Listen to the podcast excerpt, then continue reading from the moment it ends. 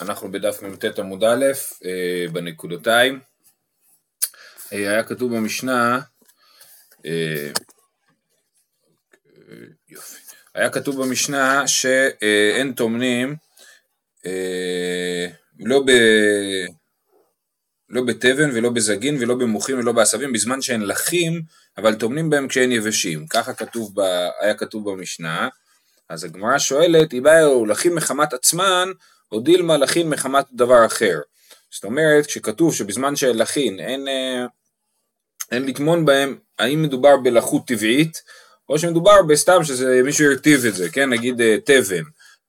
אז תבן, כשהוא לח בעצמו, אז אסור לטמון בו, אבל אם מישהו לקח תבן יבש והרטיב אותו, אז האם מותר לטמון בו או אסור, אוקיי? אה, היא אמרת בישלמה, אה, סליחה, תשמע, לא בתמנה, לא בזגין ולא במוחין ולא בעשבים בזמן שאין לחים, זה המשנה שלנו, היא אמרת בישלמה לחין מחמת דבר אחר שפיר, אלא היא אמרת לחין מחמת עצמן, מוחין לחין מחמת עצמן, לכין משכחת לה. אומרים, בואו, יש לנו במשנה רשימה של דברים, כן? אה, אה, ואחד מהם הוא מוחין, ומוחין אמרנו שזה חתיכות צמר, שאריות של צמר, אז אז איך, איך תמצא אה, צמר שהוא לך מחמת עצמו, מילא תבין, תבן, זגין, זה דברים שיכולים להיות לחים מחמת עצמן, אבל תבן, אבל מוחין לא. אה, אם מלביש למה לחין מחמת ואחר שפיר, אם אמרת לחין מחמת עצמן מוחין, לחין מחמת עצמן לחין שכחת לה, אז הגמרא מתרצת, ממרתא דבני אטמי, רש"י מסביר, מצמר הנמרט מבין ירחותיה של בהמה, שהוא מלא זיעה והוא לך מעצמו, להכי קר לי מרתא דלאו בר גזאו. כן, זה אה, אה, בין הרגליים של הבהמה, בין הירכיים, יש שם אה, לחות טבעית כזאת של הצמר, וזה הצמר שהוא לח מחמת, אה, זה מוכין שהם לחים מחמת עצמם, אה, אה, וכן אפשר ככה להסביר את, ה, את המשנה, בכל זאת שזה לח מחמת עצמו. אה, אותו דבר הגמרא אומרת, ועד דתני רבי יושעיה טומנים בכסות יבשה או בפירות יבשין, אבל לא בכסות לחה ולא בפירות לחין, אה, כסות לך מחמת עצמה, איך היא משכחת לה? אותה תשובה ממרתא דבני אטמי, כן? רבי יושעיה שחושב שמותר להטמין רק בכסות, אה, שמותר להטמין בכסות יבשה ואסור להטמין בכסות לחה, אז גם כן תגידו שזה לך מחמת עצמו, איך זה לך מחמת עצמו, אז אומרים שזה עשוי מהצמר הזה של מרתא דבני אטמי, אה, תירוץ פחות מוצלח, אבל ככה הגמרא מקבלת את זה. אוקיי, המשנה הבאה, טומנים בכסות ובפירות בכנפי יונה ובנסורת של חרשים ובנאורת של פשתן דקה, רבי יהודה אוסר בדקה ומתיר בגסה. אמ, אז אה, בכסות ובפירות זה בניגוד למה שרבי יושעיה אמר, זאת אומרת רבי יושעיה שקראנו לפני שנייה אמר טומנים בכסות יבשה ובפירות יבשין אבל לא בכסות לחה ולא בפירות לחין. ופה במשנה כתוב שמותר לטמון בכסות בפירות ולא מגבילים את זה לדווקא יבשין. אם זה היה הבדל בין יבשין ללחים היו מסיימים את זה במשנה הקודמת שדיברה על דברים שיש ביניהם, בהם הבדל בין אה, יבשים ללחים. אה, אבל אז המשנה ורבי ישעיה חולקים בדבר הזה. האם מותר לטמון בכסות ובפירות לחים? כנפי יונה הכוונה היא לנוצות נסורת של חרשים זה נסורת ונאורת של פשתן זה כשמאבדים את הפשתן יש גם כן סוג של דבר דומה לנסורת שנופל מהפשתן בזמן העיבוד שלו וזה נקרא נאורת של פשתן. נאורת של פשתן דקר, יהודה אוסר בדקה הוא מתיר בגסה, הוא אוסר, אה, אה, טוב הגמרא עוד תסביר אותו. אה, אמר רבי ינאי תפילין צריכים גוף נקי כאלישע בעל כנפיים וזה אה, בגלל שהזכירו כנפי יונה, לכן מזכירים את זה, אין לזה באמת שום קשר מהותי לכאורה לענייני הטמנה. אה, מה היא? מה, מה הכוונה? מה, מה, מה זאת אומרת גוף נקי? אביי אמר שלא יפיח בהן, רבא אמר שלא יישן בהם, כן? העניין של להיות עם גוף נקי זה אה, לפי אביי זה שלא יפיח ולפי רבא זה שלא יישן עם התפילין. והמאי קרעי לי בעל כנפיים, מה זה השם הזה אלישע בעל כנפיים, וזה כל מי שקרא כה עשו חכמינו מכיר את הסיפור הזה, שפעם אחת גזרה מלכות רומי הרשעה גזרה על ישראל, שכל המניח תפילין ינקרו את מוחו. והיה, כן, אז היה מידה כנגד מידה, כאילו, נכון? אם אתה מניח תפילין על המוח, אז ינקרו את מוחך. והיה אלישע מניחם, ויוצא לשוק. ראהו כסדור אחד, רץ מפניו, ורץ אחריו. וכיוון שהגיע אצלו נטלן מראשו והחזן בידו. אמר לו, מה זה בידיך? אמר לו, כנפי יונה. פשט את ידו, ונמצאו כנפי יונה, ולפיכך קוראים אותו אלישע בעל כנפיים. אז אני חייב לציין שהסיפור הזה הוא קצת משונה. כי אה, מצד אחד אנחנו רואים פה אה, אלישע כאילו לא שם, לא שם על הגזרה, נכון? אמרו, אמרו אה, כל מיני תפילין יקרו את מוחו, אז אלישע מה הוא עשה? הוא יכל להניח תפילין בבית, אבל לא, הוא יצא החוצה, מניחה יוצא לשוק, נכון? הוא כאילו אומר, אני לא אכפת לי, אבל מה, ברגע שמגיע שוטר, ראו כסדור אחד, אז מיד הוא בורח, וכשהוא מגיע אליו הוא עדיין, הוא לא עומד, הוא לא עומד על שלו, הוא לא אומר אני, אה, אני גאה, אני יהודי גאה, כן? הוא מחביא את זה ואומר שזה כנפי יונה. אולי זה שזה הפך להיות כנפי יונה, אולי זה גם, אה, זה גם נס, אבל זה גם אה, שהציל אותו, הציל לו את החיים. מצד שני זה גם קצת עונש, כי התפילין שלו הפכו לכנפי יונה, אולי הוא היה צריך אחרי זה להכין אה, תפילין חדשות. ובאמת התוספות לא פה, אבל התוספות במקום אחר, מביע ביקורת על, ה, על ההתנהלות של אלישע פה בסיפור הזה. בכל אופן, יש סיפור מעניין. בכל אופן, שואלת הגמרא, מה ישנה כנפי יונה? למה אלישע אמר כנפי יונה, ולמה התפילין הפכו לכנפי יונה? מה שאינה כנפי יונה משאר עופות, מש... אה, כן, למה דווקא כנפי יונה? משום דאימתי לכנסת ישראל יונה, שנאמר, כנפי יונה נכפה בכסף, ועברותיה בירקרק חרוץ, מה יונה כנפי המגינות עליה, אף ישראל מצוות מגינות אליהם, כן? אז לכן, בגלל שהפסוק בתהילים אה, ממשיל את אה, כנסת ישראל ליונה, אז גם אלישע אמר שהתפילין הם כנפי יונה, ויש פה גם עניין שאומרים שיונה כנפי המגינות עליה, אף ישראל מצוות מגינות עליהם, ובעצם הם אומרים שהתפילין מגינות עלינו, כן? אז למרות שדווקא אלישע היה יכול, עלול להיהרג בגלל התפילין, אה, אה, דווקא אומרים שהשם שהוא אמר שהם כנפי יונה, וזה מזכיר את העניין הזה שדווקא המצוות כן מגינות עלינו.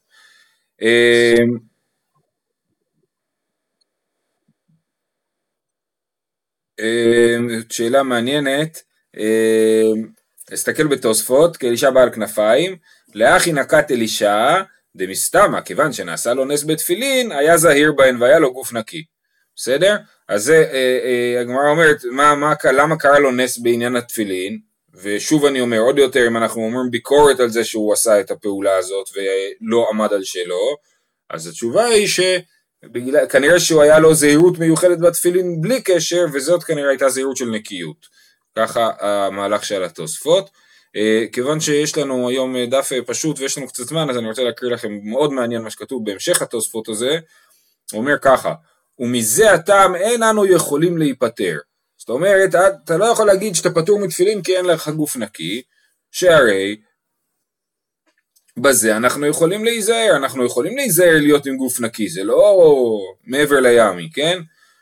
אז זה לא סיבה להיפטר. למה תוספות מחפש סיבה להיפטר? ואז הוא אומר, ואין תימה על מה שמצווה זאת רפויה בידינו. אז מכאן מתחיל הסיפור. תוספות אומר, מצוות תפילין רפויה בידינו. למה הוא מתכוון בדיוק? אני לא יודע. האם הוא מתכוון להגיד שאנשים בכלל לא מניחים תפילין, או שאולי הוא מתכוון להגיד שאנשים לא הולכים תפילין כל היום, כמו שמשמע שככה בגמרא במסכת ברכות ראינו שככה היה משמע, כן, ו, ואצלם לא הולכים כל היום, אבל באמת נראה לי יותר שהוא מתכוון להגיד שהם לא מניחים תפילין.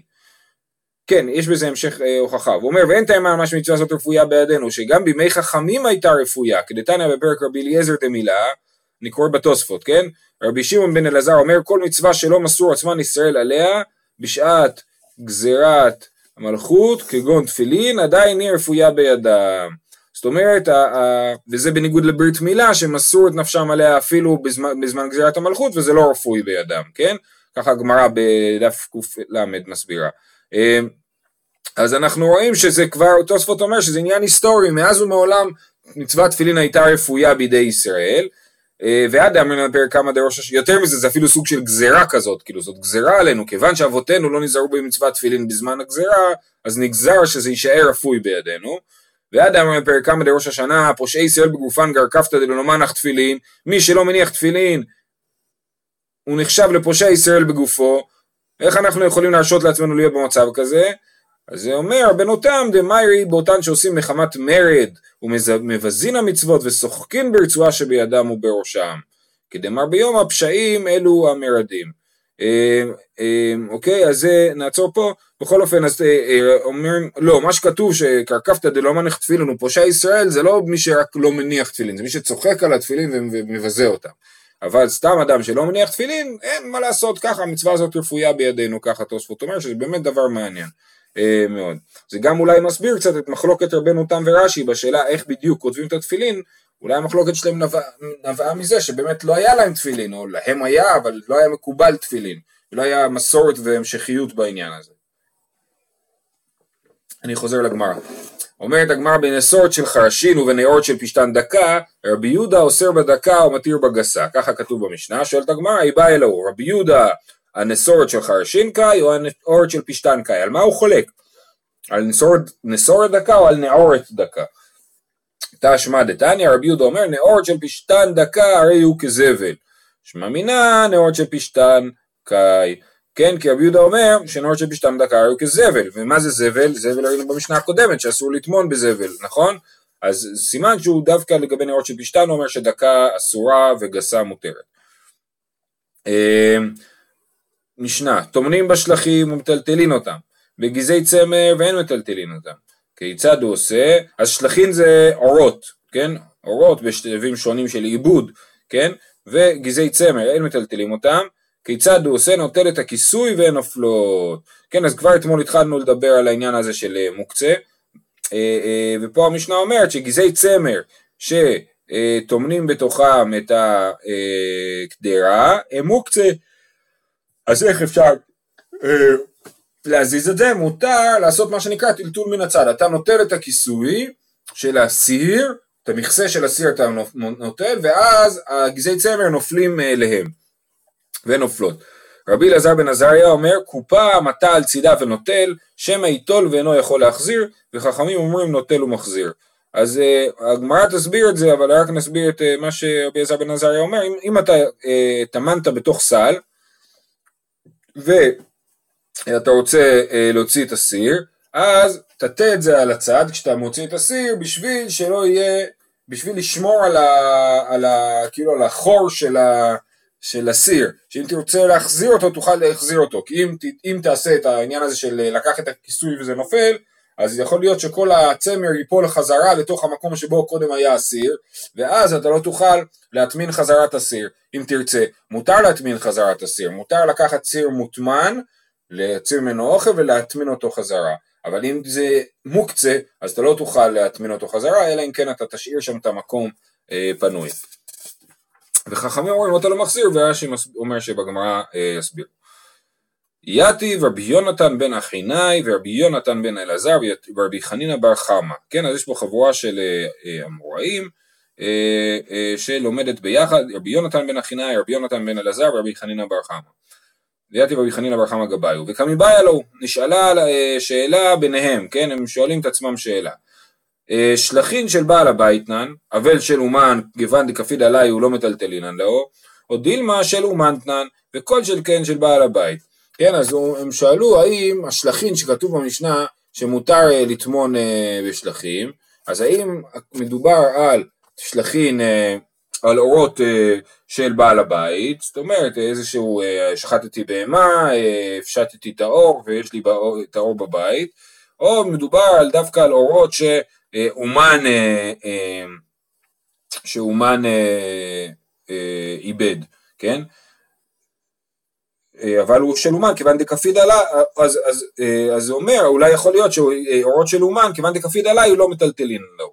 או דינו של אומן תנן. שכן של בעל הבית. אמר לו רבי יונתן בלעזר, מסתבר של בעל הבית נן, אבל של אומן כפיד עליו. אז זה מה שהוא אמר, ככה נראה לי, זה נראה, הוא אומר, נראה לי אה, שאורות של אומן אסור לטלטל אותם, כי האומן מקפיד עליהם ולא מרשה לטלטל אותם. אמר לו רבי חנינא בר חמא, כך אמר רבי ישמעאל ברבי יוסי, אבא שלחה הווה, אבא שלי היה שלחה, אומן של אורות, ואמר אביהו שלחין ונשב עליהם, והוא אמר ורש"י מסביר שזה ביום חול ותוספות מסביר שזה בשבת, הוא אמר בשבת לפי תוספות תביאו שלחין ונשב עליהם, זה מוכיח שאורות של אומן הם לא מוקצה, כי הוא אמר מותר לטלטל אותם בשבת, אוקיי? אז זה, אה, אה, אה, אז זה המחלוקת פה, כן? אה, טבעי נסרין של בעל הבית מטלטלין אותם ושל אומן אין מטלטלים אותם ואם חישב לתת עליהם פת לאורחים בין כך ובין כך מטלטלין.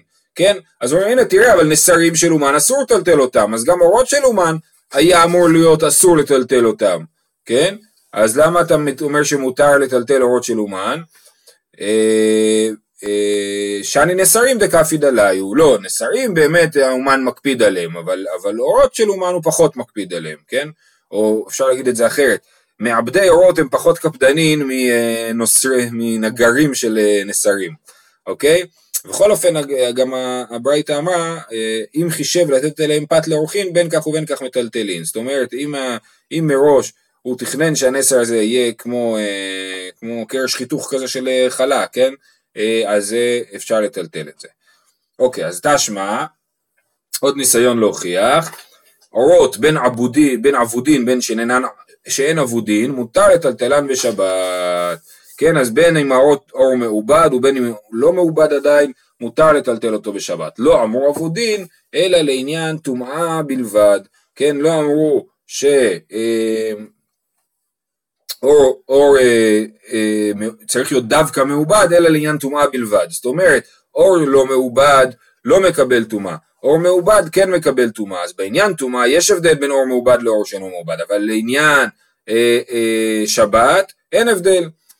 אומרת הגמרא מה אליו לא שנה של בעל הבית ולא שנה של אומן. זה נראה שאין הבדל בין אור של בעל הבית לאור של אומן. אה, ובכל זאת אה, מותר לטלטל נכון? אה,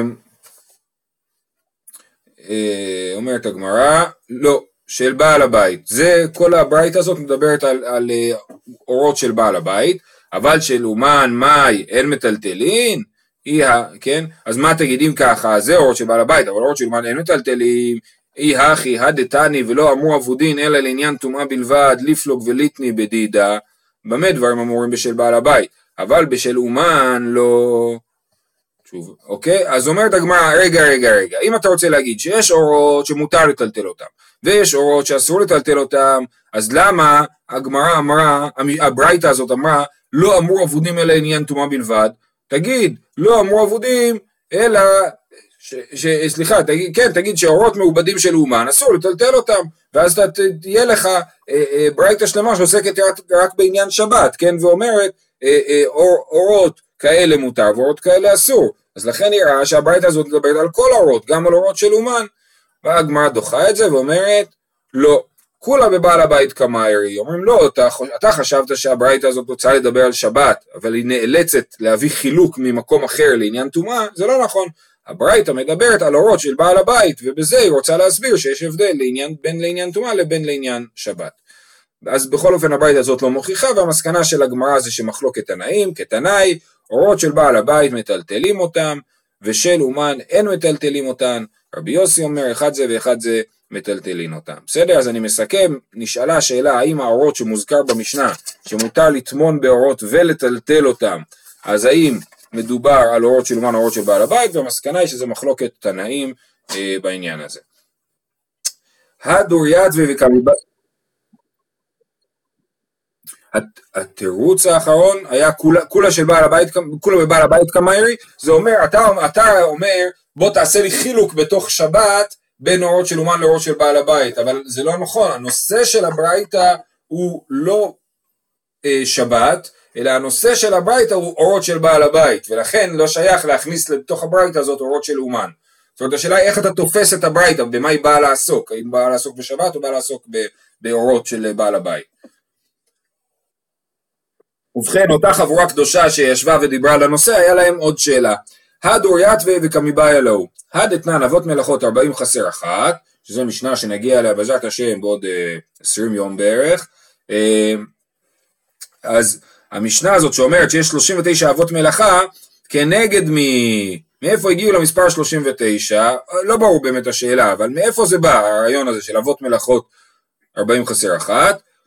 אמר לו רבי חנינא בר חמא, כנגד עבודות המשכן, היו 39 עבודות במשכן.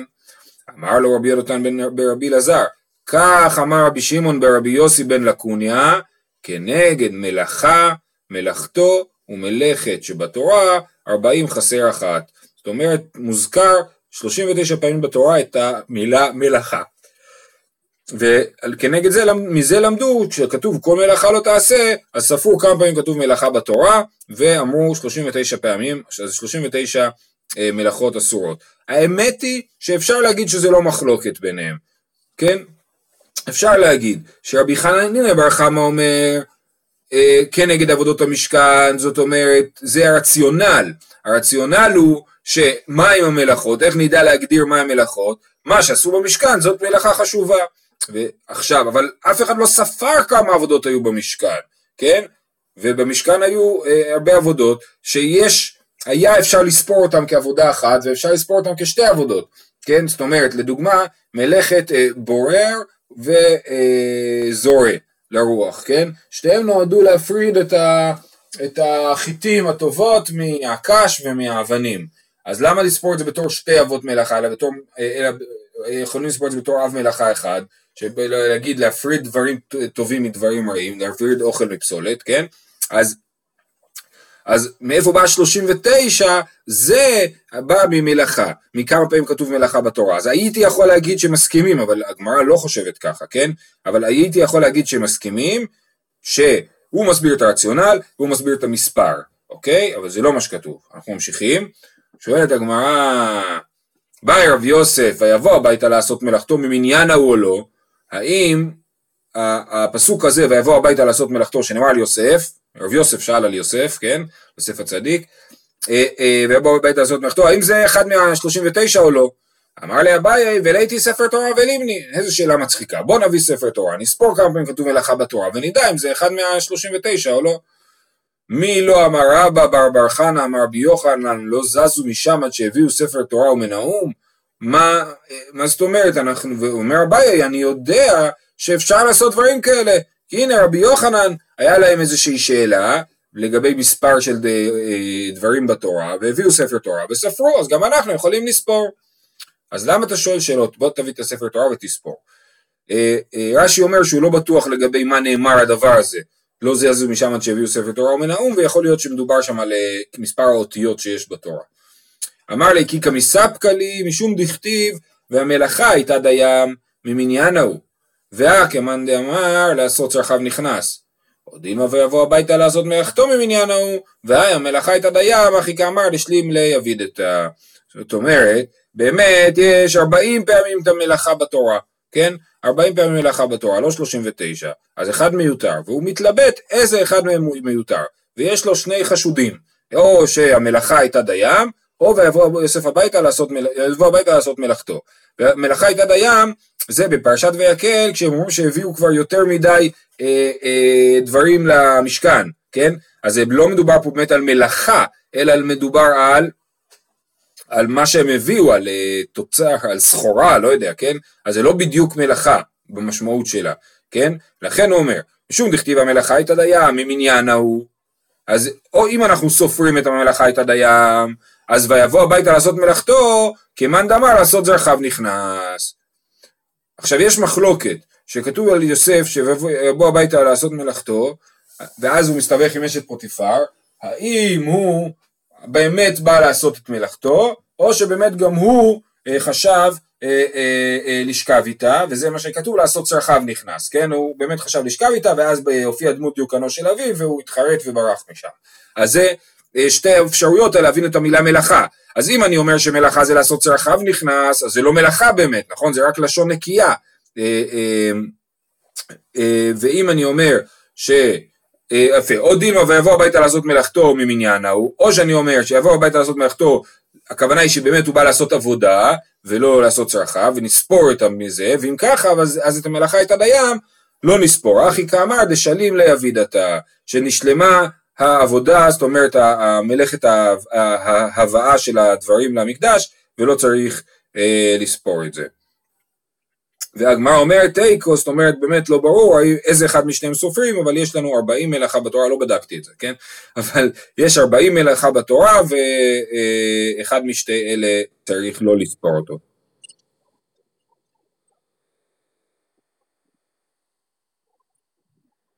הבנתי. יפה, בסדר, תודה. אמ, אוקיי, אז הגמרא אומרת, תניא כמאן דאמר כנגד עבודות המשכן. עכשיו, אתם רואים, פה אני, עד עכשיו, אני אמרתי מקודם שחייבים להבין שיש ביניהם מחלוקת, וזה נראה בגלל הגמרא עכשיו, שאומר, תניא כמאן דאמר כנגד עבודות המשכן. המשפט הזה אומר, שהברייתא אומרת כמו מי שאמר ככה, סימן שמבינה שיש פה מחלוקת, והברייתא הזאת מתאימה לו ולא מתאימה לשני, נכון? תניא כמאן דאמר כנגד עבודות המשכן, דתניא, אין חייבים אלא על מלאכה שכיוצא בה הייתה במשכן. הם זרעו ואתם לא תזרעו, הם קצרו ואתם לא תקצרו, הם העלו את הקרשים מקרקע לעגלה, ואתם לא תכניסו מרשות הרבים לרשות היחיד, כי הקרקע הייתה הקרקע של מחנה ישראל שהיה רשות הרבים, היה שם 60 ריבו אנשים, נכון? וה... העגלה היא רשות היחיד כי היא גבוהה מעל עשרה טפחים, והיא מעל רשות היחיד, מעל רשות הרבים, אז הכנסת הקרשים מהקרקע לעגלה זה הכנסה מרשות הרבים לרשות היחיד. הם הורידו את הקרשים מהעגלה לקרקע, אתם לא תוציאו מרשות היחיד לרשות הרבים. הם הוציאו מהעגלה לעגלה, ואתם לא תוציאו מרשות היחיד לרשות היחיד. אז העבירו קרשים מעגלה לעגלה, אז אתם לא יכולים להוציא מרשות היחיד מרשות, לרשות היחיד, שואלת הגמרא, מרשות היחיד לרשות היחיד, מהי כאביד, מה, מה הוא עושה? מה, איזה מלאכה זה, מותר להוציא מרשות היחיד לרשות היחיד? אביי ורבא, דאמר תרוויו, ויתם מערבד אבר אהבה, מרשות היחיד לרשות היחיד דרך רשות הרבים, כן? זאת אומרת אסור להציב מרשות היחיד לרשות הרבים, היחיד דרך רשות הרבים, כמו שעשו מעגלה לעגלה דרך המחנה ישראל. אז, אז פה אה, אה, נגמרת הברייתא שמוכיחה שמי שאומר כנגד עבודות המשכן הוא צודק. עכשיו, יש פה איזה בעיה מסוימת, כי ה... למה ללכת לברייתא הזאת? יש משניות מפורשות שמסבירות שהמלאכות נלמדות מהמשכן, יש אה, אה, באמת בדיוק על העניין הזה של ההושטה מעגלה לעגלה, אה, יש משנה בפרק הזורק שאומרת שזה נלמד מה, מהעגלות, כן? אז, אז לא ברור, מי שאומר שזה לא כנגד, מי שאומר שזה כנגד מלאכה שכתוב בתורה, מה הוא חושב שבאמת אין שום קשר למשכן, בכל המלאכות אין קשר למשכן, זה דעה משונה. כן? גם תוספות שואלים את השאלה הזאת, אבל אין לי תשובה לשאלה הזאת. אז הייתי אומר שאין בהם מחלוקת. משמע מהגמרא שיש ביניהם מחלוקת, ונשאר פה איזושהי תמיהה אה, בעניין הזה, שזה נראה, ש, אה, נראה מהגמרא שמי שאומר מלאכה, באמת הוא חושב שאין שום קשר למשכן בהלכות שבת. אוקיי, הלאה, סוגיה אחרונה, בגזי צמר ואין מטלטלין, אמר רבא, לא שנו אלא שלא טמן בהן, אבל טמן בהן מטלטלין אותן. אם הוא כבר טמן בתוך הגזעי צמר, אז מותר לטלטל אותם. מיד מקשה מישהו, יתווה ההוא מרבנן בר יומי לרבא. מה זה ההוא מרבנן בר יומי? תלמיד שבא ללמוד יום אחד, והוא כבר שאל שאלה, כן? רש"י מסביר, אותו היום בא לבית המדרש תחילה. אה, ובאמת זה מתאים להיות שאלה של אדם שהגיע רק הרגע לבית מדרש, כי זה מפורש במשנה. כתוב במשנה, טומנים בגזעי צמר ומטלטלין אותן, כיצד הוא עושה, נוטל את הכיסוי והן נופלות. סימן שאפילו שטמנת בגזעי צמר, אסור לך לטלטל אותם, נכון? אז איך הרב אמר, לא שנו אלא שלא טמן בהן, אבל טמן בהן מטלטלין, אלא איתמר אחי איתמר. אמר רבא, לא שנו אלא שלא ייחדן להטמנה, אבל ייחדן להטמנה מטלטלין אותן. בסדר, נעצור פה, שרבא אומר שאם הוא ייחד את ה... אה, צמר להטמנה, שהוא כל שבת מטמין בהם, אז מותר לטלטל אותם, אבל אם השבת הוא הטמין בהם כי בדיוק הוא לא מצא משהו אחר ואחר כך הוא ימצא משהו אחר, אז אסור אה, לטלטל את זה בשבת.